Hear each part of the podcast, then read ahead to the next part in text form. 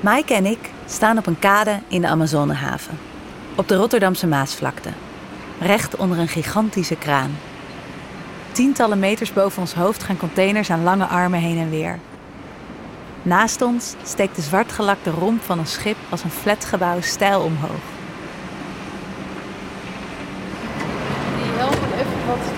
We klimmen de loopplank van dit megaschip op. Hoger en hoger. 61 brede treden in totaal. Holy moly. Hou je goed vast. Ja. Bovenaan kijken we uit over een wereld van staal, waarin gigantische voertuigen af en aanrijden met containers in hun klauwen. Die onbemande voertuigen zijn ook zo... Science fiction Science fiction, dat is het goede woord, ja. 18.800 containers kan deze joekel meenemen. En aan boord werken 25 mensen.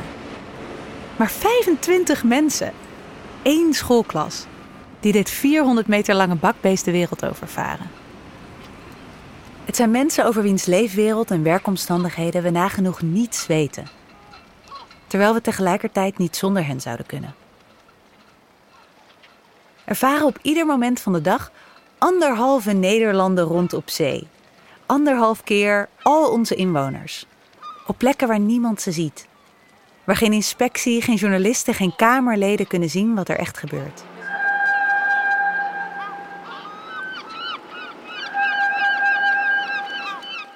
En hen te spreken krijgen blijkt dus nog niet zo makkelijk. We stuurden de afgelopen maanden tientallen e-mails, LinkedIn-verzoeken, Twitter-berichten. We spraken de voicemails van persvoorlichters in tot het op stalken begon te lijken. Maar niemand wilde ons aan boord laten om met de crew van een megacontainerschip te praten. Tot nu. Dit is Containerbegrip. Een podcastproductie van de correspondent, gemaakt door Maaike Goslinga en mij, Maite Vermeulen. We nemen je mee in de verborgen wereld van ons goederenvervoer op zee. Een wereld waarin we de winnaars en verliezers van globalisering leren kennen. En de partijen die een enorme, onzichtbare macht hebben over ons leven.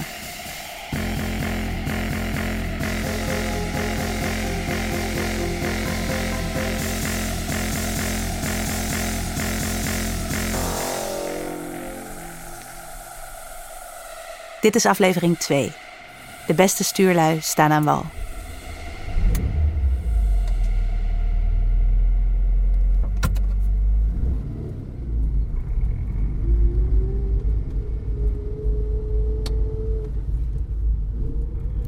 Voordat we het megaschip ingaan, is het misschien goed om te vertellen hoe we op de loopplank van dit schip zijn beland. En daarvoor moeten we even terug naar eerder vandaag. Naar het pittoreske stadje Brielen, niet ver van de Rotterdamse haven. We staan voor het huis van Helene Perforce. Als wij Shaki uit Shaki in de chocoladefabriek zijn, is zij onze gouden wikkel. Ons unieke entreebewijs voor de wereld van de megaschepen. Hallo, we hoeven niet eens aan te bellen. Dank. Helene gaat ons voor naar een knusse woonkamer die uitgeeft op een wilderige tuin. Twee Noorse boskatten en appelgebak wachten ons op. Wie is Maaike? Wie is Maaike? Oh ja, ik ben Maaike. Ik ben Maite. Het is een soort komisch duo. Helene is havenpredikant voor de Protestantse Kerk Nederland. Dat wil zeggen, ze gaat aan boord van schepen in de Rotterdamse haven om zeevarenden bij te staan.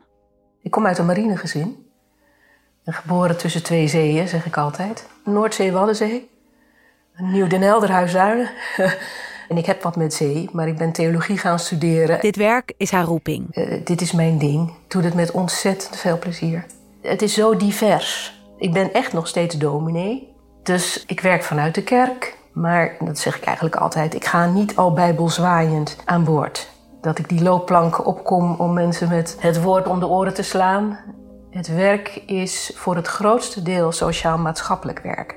Uh, maar dat doe ik dan wel op grond van nou, dat evangelie. Als een soort geestelijk verzorger eigenlijk.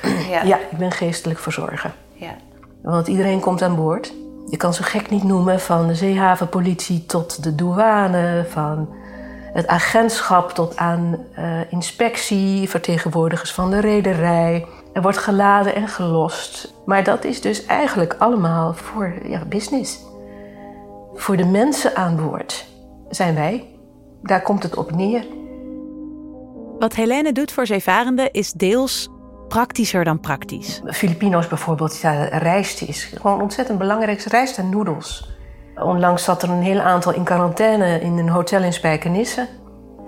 En ja, dan krijgen ze gewoon goed eten van het hotel. Maar ja, dat zijn boterhammetjes met kaas. Maar goed, ik heb de Lidl leeggekocht eh, als het ging om noedels. Ja, omdat mensen daar, daar zo van opknappen. Dan kun je er al niet uit en dan krijg je ook nog een, een bammetje kaas. Maar vaak is haar werk ook heel moeilijk in woorden te vatten. Ik ga aan boord voor de mensen. Daar gaat het om ruimte. Want zeevarenden die worden beperkt in alle ruimte eigenlijk die ze hebben. En dat gaat om economische ruimte, want ze varen omdat ze geld moeten verdienen. Fysieke ruimte, want ja, zee is groot, schip is klein en accommodatie nog kleiner. De culturele ruimte, taal is beperkt. Iedereen spreekt Engels, soort van. Maar dat is echt de werktaal. Maar hoe kun je je eigen humor delen? Als ik aan boord kom, dan probeer ik mensen ruimte te geven. En dat is ten eerste door gewoon naar ze te luisteren. Er is een aantal taboes aan boord, daar praat je niet over, want je moet met elkaar werken. En dat is religie en politiek. Dus ik kom aan boord en ik luister eerst maar eens gewoon, als ik de gelegenheid heb. En ook zeevarenden de gelegenheid hebben om überhaupt te praten, want, eh, want ook de tijdsruimte is heel beperkt. Is dat dus, ook minder geworden in je jaren dat je dit werk doet? Ik denk dat containerschepen steeds korter in een haven liggen. Dus, en zeker de kleinere schepen, die moeten om de paar uur veranderen van lichtplaats. Zelfs als ze dan in Rotterdam blijven, dan gaan ze van de ene naar de andere haven om containers af te leveren of, te, of er weer opgestapeld te krijgen. En dat betekent uh, dat mensen ook constant aan het werk zijn als ze in de haven zijn. Uh, maar ook dat ze er niet af kunnen. En, en als mensen niet gezien worden, letterlijk niet gezien worden, niet gehoord worden, dat ze niet meer elke zondag heel Katendrecht onveilig maken, maar gewoon ver weg op de Tweede Maasvlakte zitten, ja, dan, is, dan zijn ze er niet. Geen last van. Zeker niet als ze aan boord blijven. Maar dat dit op wereldschaal slechte effecten kan hebben, echt ook voor ons in Nederland. Ja, het is, het is een, een, een bijzonder korte termijn denken wat uh, altijd de grote rol speelt. Ja. In die zin ben ik niet optimistisch. Tegelijkertijd gebeuren er zoveel goede dingen. De geweldige ringtoon. Ja. Hi Marco. We worden onderbroken door Marco, een vrijwilliger bij het Zeemanshuis waar Helene mee samenwerkt. Hij gaat ons aanmelden om met Helene mee de haven in te gaan. Oké, en wat is een goede tijd? We willen haar in actie zien. En vooral de zeevarenden waar ze zo betrokken over spreekt, zelf ook eens spreken. Ja. Dit willen we dus al maanden. Maar via de grote rederijen vingen we keer op keer bot. Nee, er mag niemand aan boord om met de bemanning te spreken. Covid, drukte, veiligheid. Andere redactionele prioriteiten. We horen elk excuus uit het boekje. En dus gaan we het maar zo proberen, als aanhang van Helene, buiten de radar van de communicatieafdelingen om. Dit is ook de reden dat we niet de echte namen zullen noemen van de mensen die we spreken. Zal ik even uh, appen zo wat uh, de namen en de uh, dingen zijn? Toch is het ook voor haar altijd afwachten, benadrukt Helene. Of er aan boord tijd en animo ja. is om met mensen te ja. praten. Of we wel mogen opnemen. Okay. Of dat we binnen no time weer buiten staan. Op hoop van zegen dus. Ja, zoiets. Nou, dan zijn wij er zo tegen half twee. Oké. Okay. Helemaal. Zet ons hier maar... Uh, kijk hier, uh, kok, eraf. Want dan staan we niet onder de... Ja. Alright, kom maar hier staan.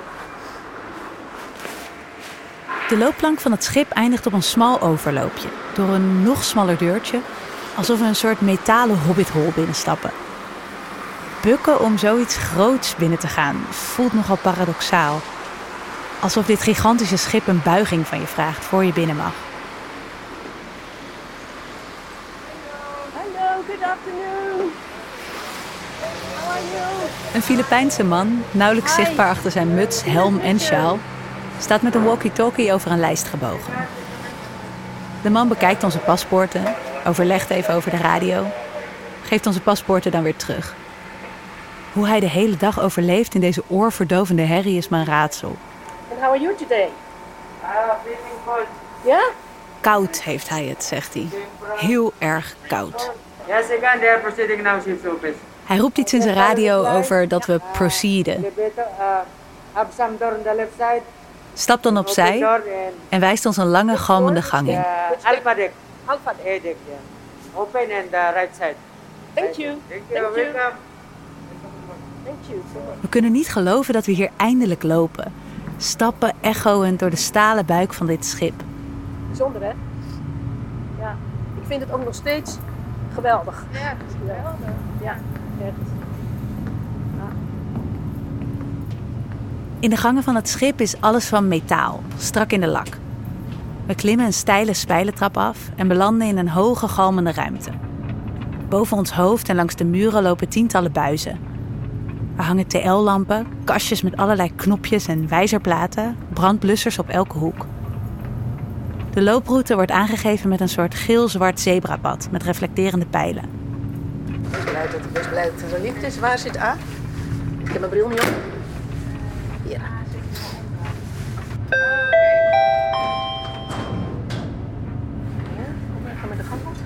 Een naar piepkleine lift brengt ons naar Alpha Deck. Ja, Na u. ja. Good afternoon. Hi, gentlemen, how are you? Sinus mission. Hi. We stappen de controlekamer in, waar de officieren werken. Het zijn er een stuk of vier. Waar de dekmatroos bij de voordeur uit de Filipijnen kwam, komen deze mannen uit Polen en Oekraïne. De officierskamer is, in tegenstelling tot buiten, bloedheet. Iedereen staat in korte broek. De eerste officier ziet er verhit uit. You are, I know. Yeah, we are drowning in. Er is een GGD-medewerker aanwezig voor een hygiënecontrole. Er liggen grote mappen papier op een smalle tafel. Er zoomen en knipperen overal knopjes op dashboards. Zo gaat het altijd, begrijpen we later.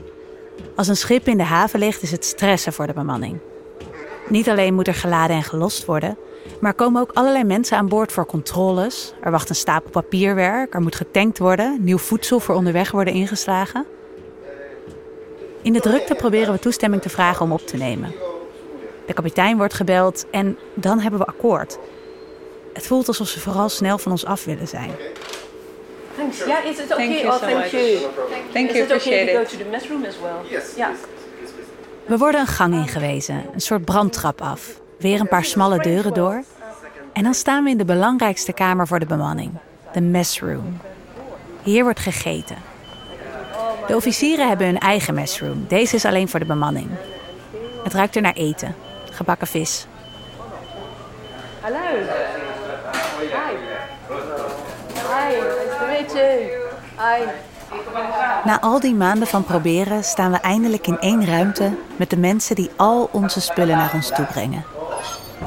Eindelijk kunnen we ze vragen over het leven op dit containerschip, de werkomstandigheden, hun redenen om juist dit werk te doen. Het is lawaaierig in de messroom, maar we durven de microfoons niet echt onder hun neuzen te duwen. Bang dat we toch te veel opvallen en iemand ons alsnog van het schip afstuurt. You, you want coffee? Yes, actually, yeah. yeah. That would be very nice. Thank you. We worden hartelijk ontvangen door de bootsman. Dat is de hoogste rang onder het dekpersoneel. Hij werkt al 35 jaar aan boord van schepen. Is the, is the work changed much? What is the biggest change? Yeah, because the biggest change, you know, before, huh, the ships is small, but too much crew. But now, the ship become bigger and the crew coming less. Yeah. Yeah, so because you know high tech. Groter en groter heeft hij de schepen waarop hij werkt zien worden. Maar grappig genoeg is zijn bewoording, high-tech, echt het laatste waar ik aan denk als ik om me heen kijk in deze messroom. De muren, vloeren en deuren zijn variaties op de kleur beige. Aan een laag systeemplafond hangen TL-lampen. Er staan drie tafels met een lila geruit plastic tafelkleed erop. In het midden van de tafel staan bakjes met zout en peper, kleverige flessen ketchup, maggi en azijn, servetten en halfvolle plastic flessen mineraalwater. Aan de muren twee kapstokjes om de dikke reflecterende jassen aan te hangen. En één schilderij. Een uitgestrekt geel graanveld vol rode klaprozen onder een blauwe lucht met witte wolken. Daarnaast is één piepklein raampje. Het uitzicht is geen zee, maar een dek van het schip waar een gigantische oranje reddingsboot het zicht op de buitenwereld blokkeert. De Filipijnse bootman zet ons mierzoete koffie voor en een bord met een soort bruine pudding. Rijstpudding. Ja, pudding. It's good. Vandaag is het dinsdag. Op het menu, op een prikbord aan de muur, staat worst en gebakken ei voor ontbijt, pangasiusfilet en witte rijst voor lunch en beef bulalo met groenten voor diner. Geen bammetjes met kaas dus. De Oost-Europese officieren hebben in hun messroom een ander menu met een eigen kok. Het is meteen het eerste wat ons opvalt. De lagere rangen aan boord zijn Aziaten, bijna allemaal Filipijnen. De hogere rangen Europeanen. Ik denk terug aan een gesprek dat we eerder hadden met een onderzoeker uit Singapore, Charmaine Chua. Voor haar onderzoek naar de manieren waarop scheepvaart en de ontwikkeling van landen samenhangen, voer ze zelf drie maanden mee op een containerschip. En ze zag er precies wat wij nu zien: de verdeling van de rangen op het schip op basis van nationaliteit. The the labor contracts on these ships are very very deeply divided and exploitative in different kinds of ways. So on the ship I was on, Filipino sailors are on contracts of 6 to 8 months with 1 to 3 months of unpaid leave, whereas the German and European sailors were on contracts that were governed by Germany and so were on guarded by German labor law, which meant that they were on contracts of 3 months of work and then 3 months of unpaid work with healthcare and all of it paid. They were also paid uh, higher wages than Filipino sailors. Chua noemt dit gesegmenteerde contracten. And so I think, you know, insofar as everybody has to work to make a living, but where I think the ship, it really helps us visualize some of the, the deeply kind of unequal logics of global labor is, is in the way that these segmented contracts happen. Global labor of de geglobaliseerde arbeidsmarkt. Het is zoiets abstracts. Maar hier op dit schip is het juist extreem concreet, bijna als een karikatuur zichtbaar. De zeevarenden uit armere landen varen langer, krijgen minder betaald en hebben minder rechten dan de Europeanen. Toch is dit niet het verhaal dat zij over zichzelf vertellen. Verre van. Where do you live in the Philippines? Me, I'm from uh, Oriental Mindoro. From the north and I'm from the south. We're Manny Pacquiao lead. Tegenover ons zitten Rob en Amon, die toevallig even pauze hebben. Het zijn niet hun echte namen. Omdat we voor deze opnames geen officiële perstoestemming hebben gekregen van de rederij, willen we hun niet in problemen brengen. Rob, eind 20, is groot en gespierd, met een guitige blik en een wavecap op zijn hoofd. Hij vaart nu zeven jaar. Amon is kleiner van bouw, met een pluizige snor en een sikje. En diepliggende ogen. How do you decide to become a seafarer? Yeah, me, I because uh, of my mother also. She influenced me that you will go to college and you will take uh, marine engineering for going to abroad. And I did not grow up in a uh, wealthy, well family. Not very rich. Deze Filipijnen verdienen minder dan een Nederlands minimumloon. Maar op de Filipijnen is dat een heel aardig salaris. But your mother thinks you can make good money if you go Yeah. become a seaman. In the Philippines, if they know that you are a seaman, they are expecting that you are earning much money. Is it true? Yeah, Een doorsnee Filipijnse zeevarende verdient zo'n 700 tot 1200 dollar per maand, afhankelijk van hun rol en ervaring. Dat zijn wel alleen de maanden dat je aan boord bent, want het werk gaat eigenlijk altijd op uitzendbasis. Maar toch. Helene vertelde ons eerder vandaag al waarom zoveel Filipijnen ervoor kiezen om te varen. Filipijnen zitten zes tot negen maanden aan boord. En doen dat ook graag, want hoe meer ze werken, hoe meer ze verdienen. En hoe eerder ze dus eh, op de Filipijnen terug kunnen gaan en daar een business kunnen beginnen, een huis neer kunnen zetten, eh, hun kinderen een goede opleiding kunnen geven. Want daar doen ze het voor. Menig neefje of nichtje studeert omdat oomlief Eh, vaart, het vraagt natuurlijk nogal wat, hè, varen. Het is een behoorlijk intensieve job. Je krijgt heel veel verantwoordelijkheid. Want reken maar dat je, dat je een hoop centen eh, onder je kont hebt als je zo'n schip vaart. Het is 24-7. Het gaat door en door en door. Dus dat is voor je lijf is het fnuikend. Verder, ja, je laat je familie thuis achter. Je hele sociale leven. Een voetbalclub word je geen lid van. Dat betekent niet dat zeevarenden zielig zijn.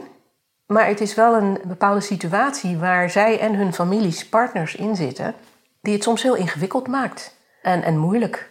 Dat is ook precies wat we horen van Rob en Amon. Je bent heel veel weg van je familie.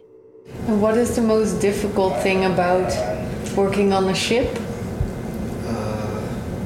It's journey away from your family, but you get used to it. Uh, the, the happenings that they are doing there, they're not there.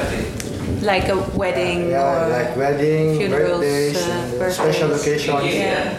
Yeah, they, they just send pictures, videos, something like this, and uh, keeps you updated every time, which is good. It's good, but it's also Yeah, you realize what you're missing. Yeah, yeah. Soms, zegt Rob, houdt zijn familie ook dingen voor hem achter. Bang dat jij daar, alleen op dat schip, je toch alleen maar zorgen gaat maken. Terwijl je eigenlijk niks kunt doen. Because they don't want you to worry. Maybe they are thinking, maybe you think too much, and Yeah. that's why if if the problem is they can handle, they will just keep it from them. But Yeah. yeah, because. But then the when you only- come the, home, the you- only thing that you can do when you are away from them is to send money and the personal, uh, you know, personal uh, appearance or personal Support. support to them is not there. Yeah. The only way that you can help is through sending them money. That's, that's the that's the tough toughest. Dat zoveel zeevarenden uit de Filipijnen komen, is trouwens geen toeval. Het is een stukje koloniale erfenis. Van 1898 tot 1946 waren de Filipijnen een Amerikaanse kolonie, afgepakt van de Spanjaarden. Tijdens de Jim Crow-segregatie kon de Amerikaanse marine geen zwarte zeevarenden inhuren op schepen waar ook witte zeevarenden werkten. En de VS begonnen daarom zeevaartscholen op te zetten op de Filipijnen voor nieuw personeel. En dat de Filipijnen door de kolonisatie nu nog steeds goed Engels spreken, maakt hen nog altijd aantrekkelijk als bemanning. Voor een land als de Filipijnen is het nu natuurlijk heel lucratief om zoveel zeelui aan het werk te hebben. Ze sturen bakken met geld terug naar huis. Die zogenoemde remittances vormen zo'n 10% van de hele Filipijnse economie. De Filipijnen stellen daarom nog steeds grote subsidies voor zeevaartscholen beschikbaar. En ze erkennen zeelieden als essentiële werkers, waardoor het voor hen verboden is om te staken. If you would uh, have children, would you still remain uh, sailing? Some of us maybe yes because uh, like, like what we said uh, it's a good salary and if we work there we have uh, limited money so Yeah. we need to raise the kids and in college in schools medication everything is Yeah. expensive also in Philippines. Yeah. That's why some of us they are you know they are this is our first option. Yeah. No choice. Yeah. First No choice. choice. Yeah, yeah. Yeah. It's our first choice. No choice, zegt Amon. Ja, first choice, zegt Rob. Geen keuze of je eerste keuze. Dat is voor mij iets heel anders. Maar voor deze mannen, uit een land met veel minder mogelijkheden, misschien wel zo'n beetje hetzelfde. Natuurlijk is het niet je eerste keuze om je kinderen op te laten groeien zonder hun vader. Maar misschien is het wel de eerste keuze als het de enige keuze is. Neem de kok van dit schip, die binnenkomt met nog meer toetjes.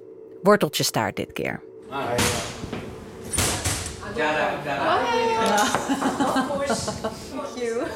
Ook hij is Filipijns. En makkelijk te herkennen aan zijn rode schort en witte koksmuts. First things first. De kok wil eerst even weten wat voor vlees hij hier in de kuip heeft. Are you single? No more? No, Or no. have- Married, children, no married. kids. Ah, but married also. No. Ah. I have a boyfriend. Ah, boyfriend. Yeah. And I could probably be your mother. Yeah. Als dat opgehelderd is, begint hij te vertellen over zijn werk. En vooral over het thuisfront. Thuis op de Filipijnen heeft de kok kinderen, zegt hij, maar geen vrouw. Ze zijn gescheiden. Hij vertelt alles lachend, maar eigenlijk ook een beetje weglachend.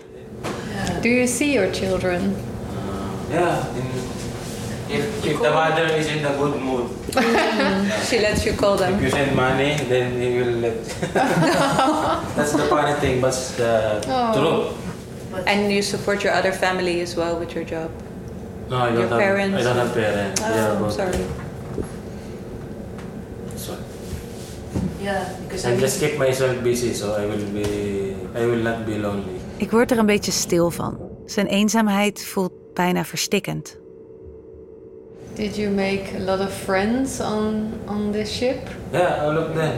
They're all friends. They're friends. En dat moet ook wel, zeggen Rob en de kok. Vrienden worden. It's really hard to work, you know, because every day you have to, you have to, yes, work with him, meet with him, eat with him. So that's why you have to be friendly. Een familie aan boord die de plaats moet innemen van je familie thuis.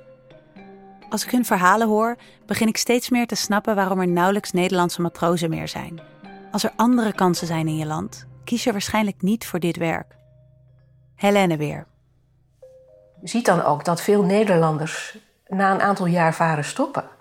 Omdat ze aan de wal net zoveel kunnen verdienen als aan boord. En, maar dat geldt niet voor Filipijnen in de Filipijnen. Veel minder geldt dat voor Filipino's, want ehm, sowieso is daar de maritieme industrie iets minder ontwikkeld. Ze, ze worden steeds beter opgeleid. Dat, dat is wel een inhaalslag die er wordt gemaakt.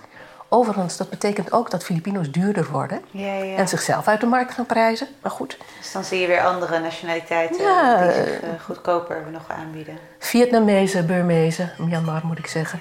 Dat vult dat gat weer op. Er wordt een vacuüm getrokken en dat wordt weer opgevuld. Want uiteindelijk gaat het er toch om om het zo goedkoop mogelijk te doen. Alles zo goedkoop mogelijk doen. Daar draait de scheepvaart op. Daar draait onze wereldeconomie op. Want als de kosten van transport flink zouden stijgen, zou een groot deel van de wereldhandel niet meer rendabel zijn. En deze goedkope zeevarenden zijn daar slechts één radartje in. Deze mensen zijn niet zielig. Dat gaf Helene ons mee voor we aan boord gingen. Ze kunnen hier aan boord zorgen dat hun leven thuis en dat van hun familie verbetert. Maar ze doen wel degelijk werk wat mij ongelooflijk zwaar lijkt. Claustrofobisch en vereenzamend werk.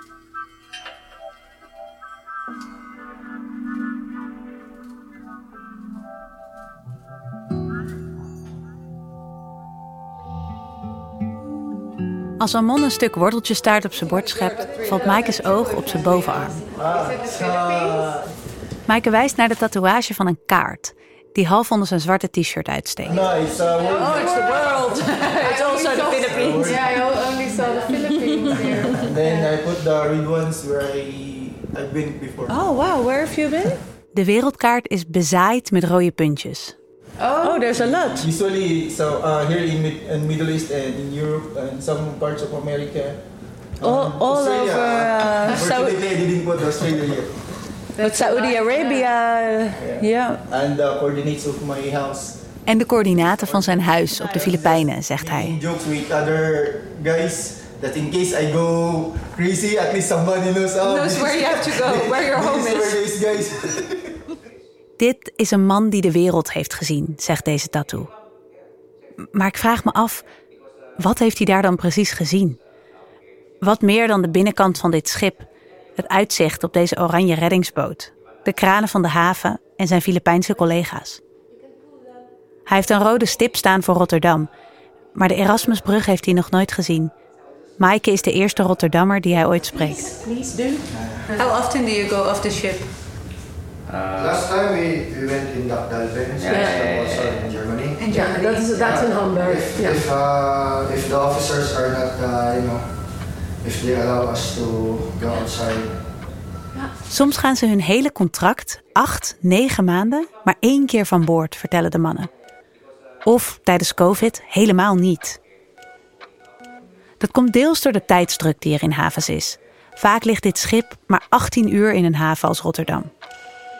En deels door de locatie van de havens waarin deze megaschepen aanmeren. Vanaf deze kade op de Tweede Maasvlakte gaat geen busverbinding. Het is een plek die totaal is afgesloten van de stad Rotterdam. Met hekken, slagbomen en kilometers snelweg door industrieterreinen. Maar het komt ook deels door een ontwikkeling die Helene 20 jaar geleden zag beginnen. September 2001 ben ik begonnen. Een week voor 9-11. En dat heeft, nou ik moet zeggen, ik heb dus die hele ontwikkeling meegemaakt, toch van uh, hoe streng de beveiliging is geworden en hoe zeevarenden ook gecriminaliseerd zijn. Gecriminaliseerd. Ik vind het nogal een heftig woord. Maar Helene legt secuur uit wat ze ermee bedoelt. Ik begon vlak voor 9-11 en een van de grootste gevolgen van, daarvan is geweest de, de ISPS. Dat is de International Ship and Port Facility Security Code. Echt, het gaat om de beveiliging van haventerreinen en havens met het doel om terroristische aanvallen via de havens te voorkomen. In de praktijk komt het erop neer dat de havens afgesloten zijn en dat het voor zeevarenden heel erg moeilijk is om überhaupt nog aan de wal te komen. Heel veel protocollen zijn uh, in werking gezet. Je moet je aanmelden, je moet je afmelden. Je mag niet zomaar het terrein af uh, als je er überhaupt op mag lopen. Maar goed, oké. Okay. Het is eh, voor een familie ontzettend moeilijk om aan boord te komen. Maar daarbij gaan ze er dus, gaat die code ervan uit dat de zeevarenden potentiële terroristen zouden zijn. Daar komt het op neer. Ja, ja, ja. Veel zeevarenden hebben daar echt onder geleden. Het wordt echt een gevangenis. En het wordt ook ervaren als als een. wantrouwen eigenlijk. Ja, het is alles op basis van wantrouwen. Dat heeft een soort eroderende werking. Je wordt er moe van, echt. En je bent al zo moe. Eh, als je eindelijk als kapitein een kwart voor twaalf uh, s'nachts rustig zit, even met een biertje. Dan komt de inspectie nog aan boord, want die hebben op dat moment dienst. En het moet, want het schip gaat weer weg. Nou ja, dan ga je maar weer aan de bak en dan probeer je maar uh, uh, je overeind te houden. En zo wordt het werk aan boord, het werk dat zo cruciaal is voor al onze levens, steeds zwaarder, steeds geïsoleerder. Je merkt dat ook aan het enthousiasme van de crew op de komst van Helene. Met haar zeemansmissie regelt ze ook busjes die de zeevarenden voor een paar uur van het schip kunnen halen en brengen. Even naar de supermarkt, een zak chips kopen of een simkaart zodat ze even kunnen facebooken met familie. Maar ook gewoon even naar de bewoonde wereld, over een stuk gras lopen, een boom zien. De rederij regelt dat niet voor de bemanning. En het gaat dan ook als een lopend vuurtje over het schip. We kunnen er even af. Hoe meer ik de werkomstandigheden van deze mannen op me in laat werken, hoe meer ik me af begin te vragen wat hun rechten eigenlijk zijn en wie die behartigt. Dat een rederij niet verplicht is elke maand even een dagje van boord te regelen, of mannen elf maanden achter elkaar mag laten werken, of gebrekkig internet aanbiedt voor videobellen met familie. Dat is toch eigenlijk van de zotte? Na wat zoeken kom ik erachter dat er wel degelijk een document is dat deze dingen regelt, de zogenoemde Maritime Labour Convention.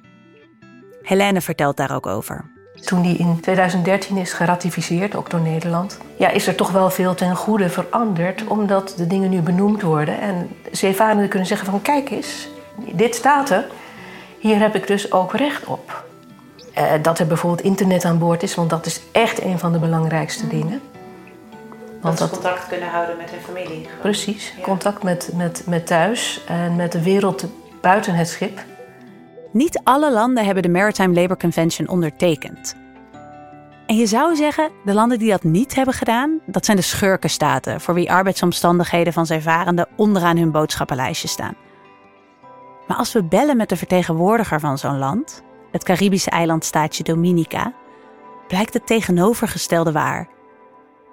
Eric de Wiki is woest over de conventie. En hij heeft het verdrag daarom niet getekend. So the Maritime Labor Convention, in my opinion, in Eric DeWicky's opinion, is that it is a facade. It's a scam. It does nothing truly to protect the, the mariners' deepest interests. That's, that's when they can go home and if they get paid. And if they get a plane ticket to go home, and they just they've covered all this little fluffy language. And oh, they they they actually talk about making sure Mariner has access to Wi-Fi. They'll have access to Wi-Fi, but only a few hours a week to email their families. I'm going to get real candid here. That's bullshit. That's wrong. There's nothing right about that. De duur van de contracten, die gesegmenteerde contracten waar we het al eerder over hadden, is een doorn in de wiki's oog. Hij neemt geen blad voor de mond, maar ik vind het wel verfrissend. Waarom vinden we het inderdaad oké dat deze Filipijnse jongens acht of zelfs elf maanden achter elkaar aan boord van een schip zijn? Dat is namelijk de regel volgens de MLC. Contracten tot elf maanden zijn toegestaan. I used to go to sea for six months at a time as a very young man, and it was far too long. You know, far too long for my psyche, far too long for my physical health. I mean, I used to see all kinds of problems just at six months. Now you have mariners just because they come from developing countries, they're they're really forced to go to sea for a year or more.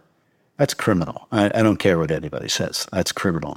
Ik zie in de messroom geen slachtoffers zitten. Maar wat hij zegt resoneert. Deze mannen moeten het contract dat ze voorgeschoteld krijgen wel tekenen. Ook als ze liever wat korter van huis zouden zijn.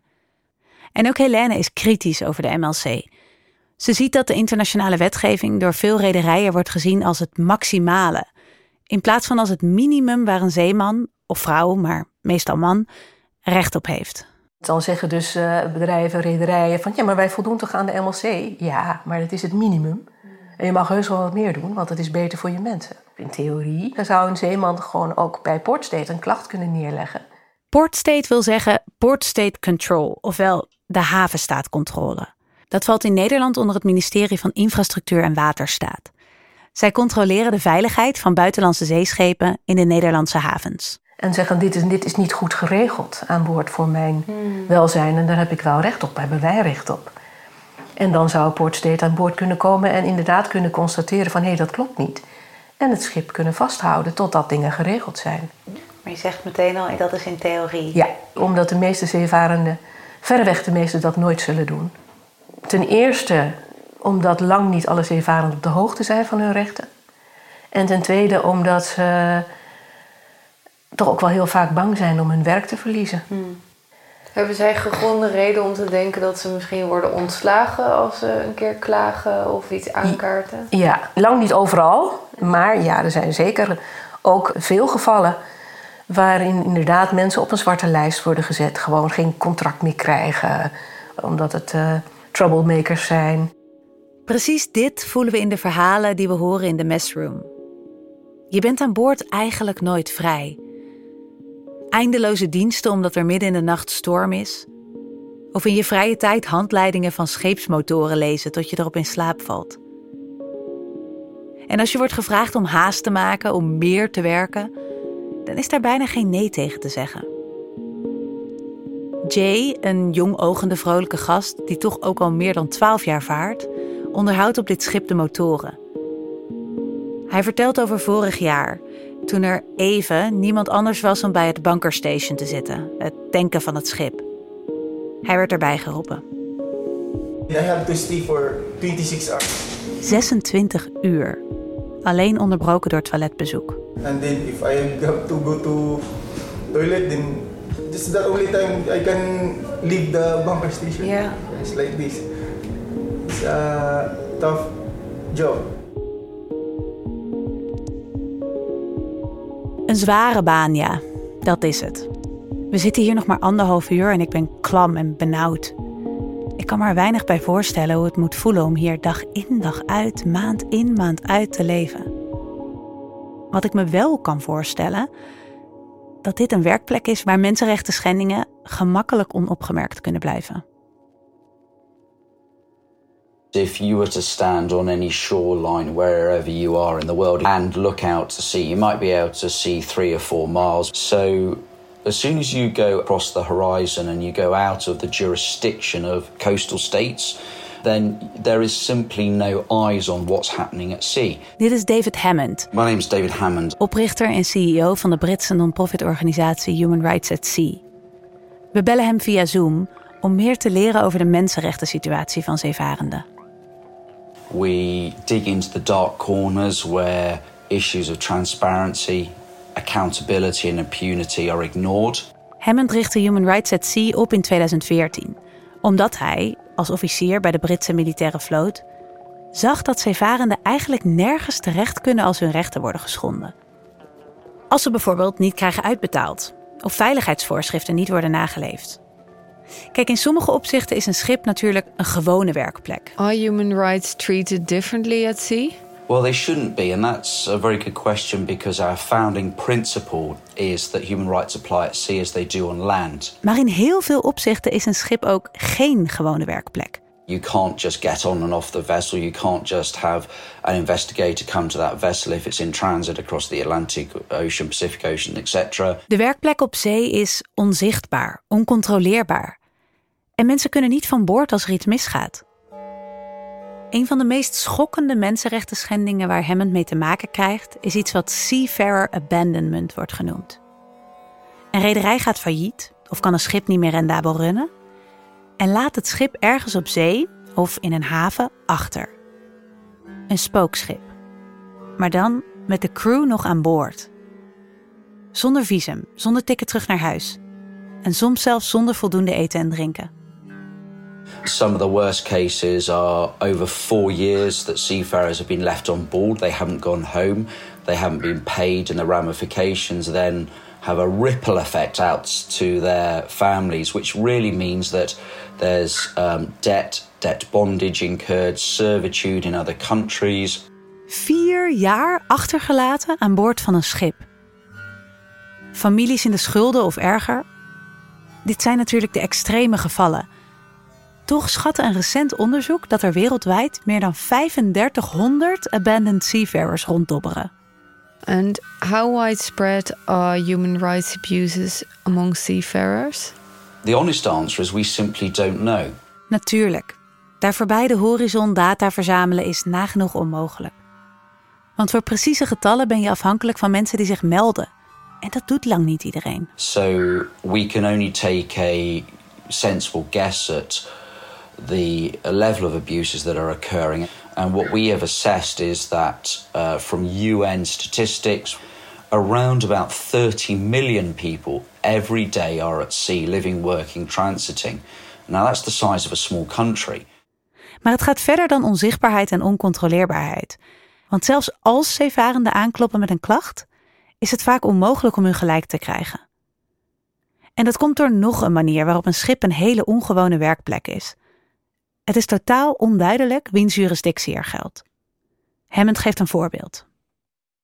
A challenging example there in the case of the MSC Divina, where a English woman, she was actually 17, was raped by an 18-year-old Italian male in international waters in the Mediterranean that then went into a Spanish port, but the Spanish judge that dealt with the case stated that they did not have the authority because it was a Panamanian flagged vessel. Deze Spaanse rechter vond dus: het schip vaart onder Panamese vlag. Ik heb hier niks over te zeggen.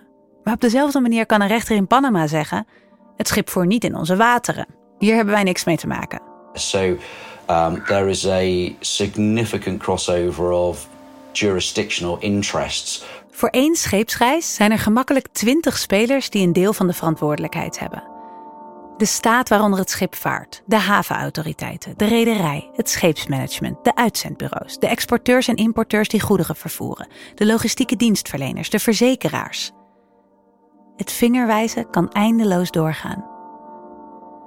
Die complexe constructies zijn ook nog eens in allerlei verschillende landen gevestigd, met verschillende wet en regelgeving. Neem dat megaschip dat in 2021 vastzat in het Suezkanaal, waardoor er een enorme file van schepen ontstond. Dat schip, de Evergiven, is eigendom van een Japans bedrijf, wordt geëxploiteerd door een Taiwanese bedrijf. Het is geregistreerd in Panama, verzekerd in het Verenigd Koninkrijk en wordt onderhouden in Duitsland. De bemanning kwam uit India en de loods die hen door het Suezkanaal leidde uit Egypte. Proberen te begrijpen wie er verantwoordelijk is voor wat er op een containerschip gebeurt, is een beetje als het ontwarren van zo'n menselijke knoop waar iedereen elkaars hand vast heeft. So, whose responsibility is it in the end to improve working standards and, and human rights at sea? Well, it's the responsibility of everybody that is involved in the operations of vessels at sea. Het is iedereens verantwoordelijkheid, zegt Hammond. Maar daarmee is het in de praktijk dus vaak niemands verantwoordelijkheid. En zo is het haast onmogelijk voor zeelieden om hun recht te halen als ze niet betaald krijgen, niet genoeg te eten krijgen, te maken krijgen met seksueel geweld, niet voldoende rust krijgen, niet naar huis mogen.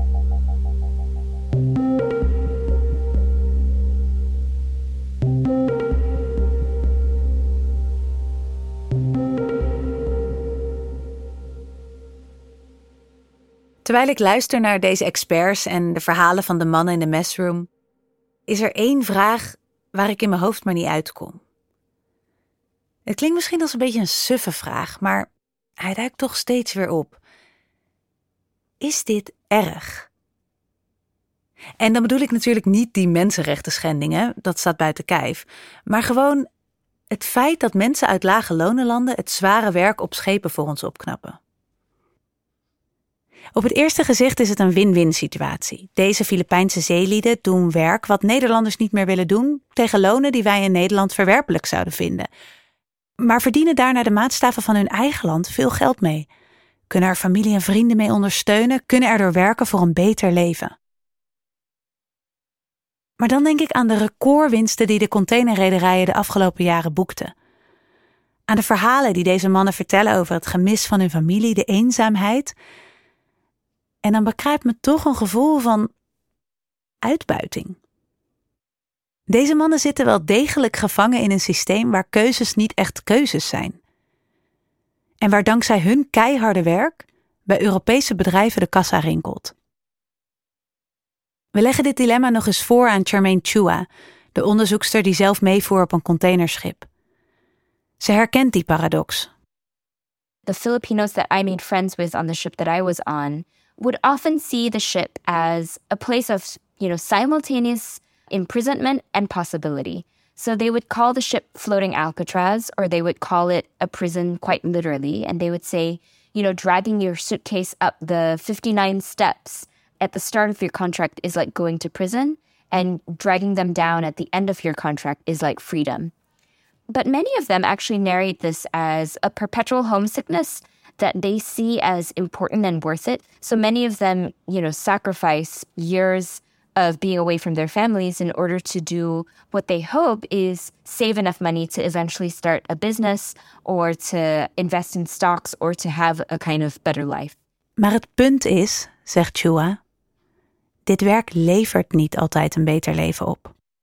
It doesn't always work out that way. I'm actually going to the Philippines next week to meet some of these sailors that I was on the ship with again. And one of them used his savings to start a wood and laser engraving company, and so is doing quite well for himself.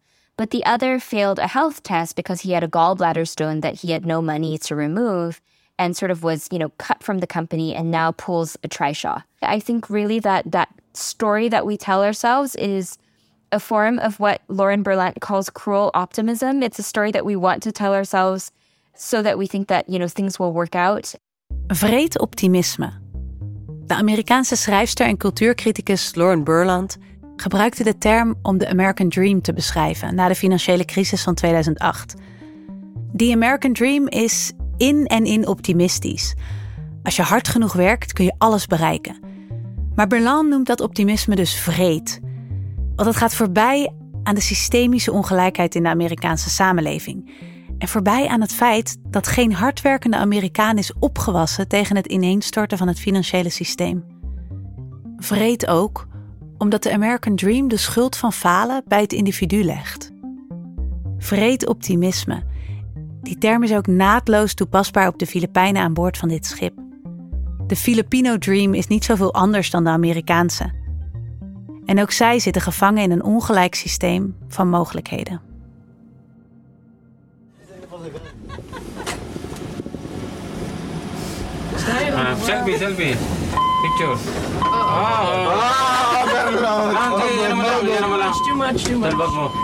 Lang. Overload. Patok, patok. Salbag mo. No one, uh, it says oh. Terug op het schip proberen we ons met drie crewleden in een piepklein liftje te proppen. De kok, die dit werk doet om zijn eenzaamheid te verdrijven, staat zo'n beetje onder mijn oksel gepropt. Hij kan de lach niet van zijn gezicht krijgen. I'm very happy. That's good. That's Yeah. good. Yeah. We're not usually smile like this. because every day I see this guy, I see my second cook. You see the same people. Yeah. It can get boring. Alam ang ilaw nun? We vallen achter elkaar het liftje uit. Zo. We lopen hier op zoek naar een basketbalveld. Want we hebben gehoord dat deze mannen soms op zondagen een potje tegen elkaar spelen. Wat gaat er gebeuren? Ik komt er nu sowieso een basketbalcourt hier uit de grond. We lopen over een soort stalen balkon. Een haast verticaal trappetje gaat de buik van het schip in. We klimmen eraf. En dan klikt de kok de TL-lichten aan in de donkere buik van het schip. De buik van dit schip ineens een basketbalveld. Normaal, als ze hier op zondag spelen, kunnen ze elkaar niet verstaan. Dan ronkt de motor onder hen zo hard dat alles met gebaren moet. Op een van de wanden, die in een bolling over ons heen lopen, staat er met een permanent marker een soort scorebord getekend. You have what's team milk and team, Team milk and team tea. Team Milk en Team Tea staat erboven. We make this one. Milk, this uh, color white. Skin. Oh, really? White skin, zegt hij.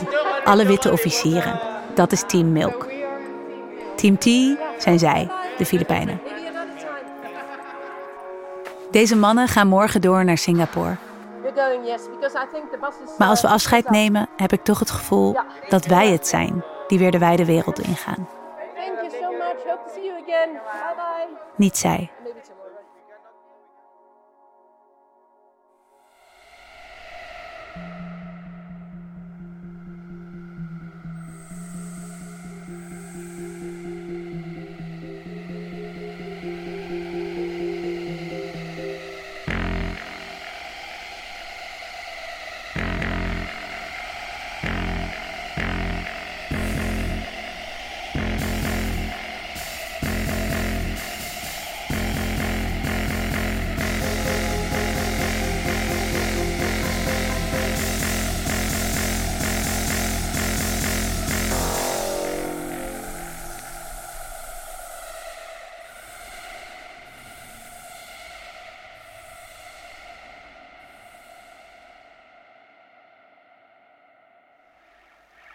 Volgende week in Containerbegrip.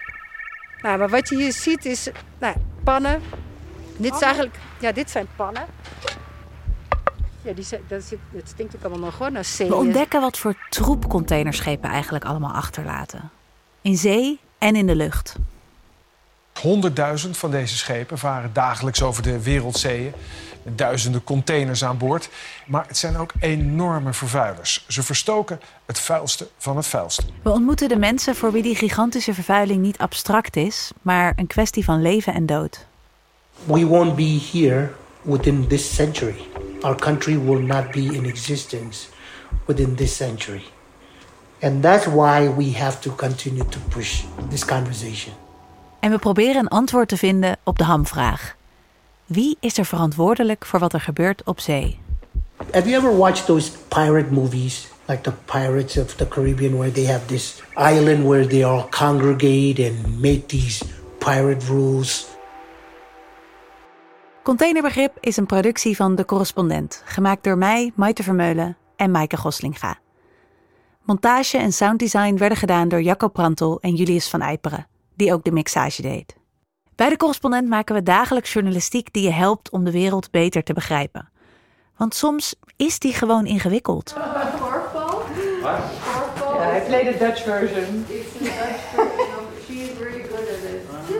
It's uh, it's a little bit It's like a different. basket. It's different, but it's like, it's a round um, basket, and it's not on a. Uh, It has no board. On a screen, no board. Yeah. No, No, no a board. So you're A pole. Yes. On a pole. Exactly. Yeah. Exactly. I have to shoot with no board. Maar of je korfbal nu snapt of niet, we hebben jouw steun heel hard nodig. Lid worden van de correspondent kost maar 90 euro per jaar of 9 euro in de maand. Ga naar decorrespondent.nl slash word lid. Deze aflevering kwam tot stand met hulp van een paar fijne collega's. Eindredactie Jelena Barisic, factcheck Riffy Bol en met dank aan Valentijn de Hing, Josta van Boksmeer en Mirke Kist van audiocollectief Schik. Tot volgende week.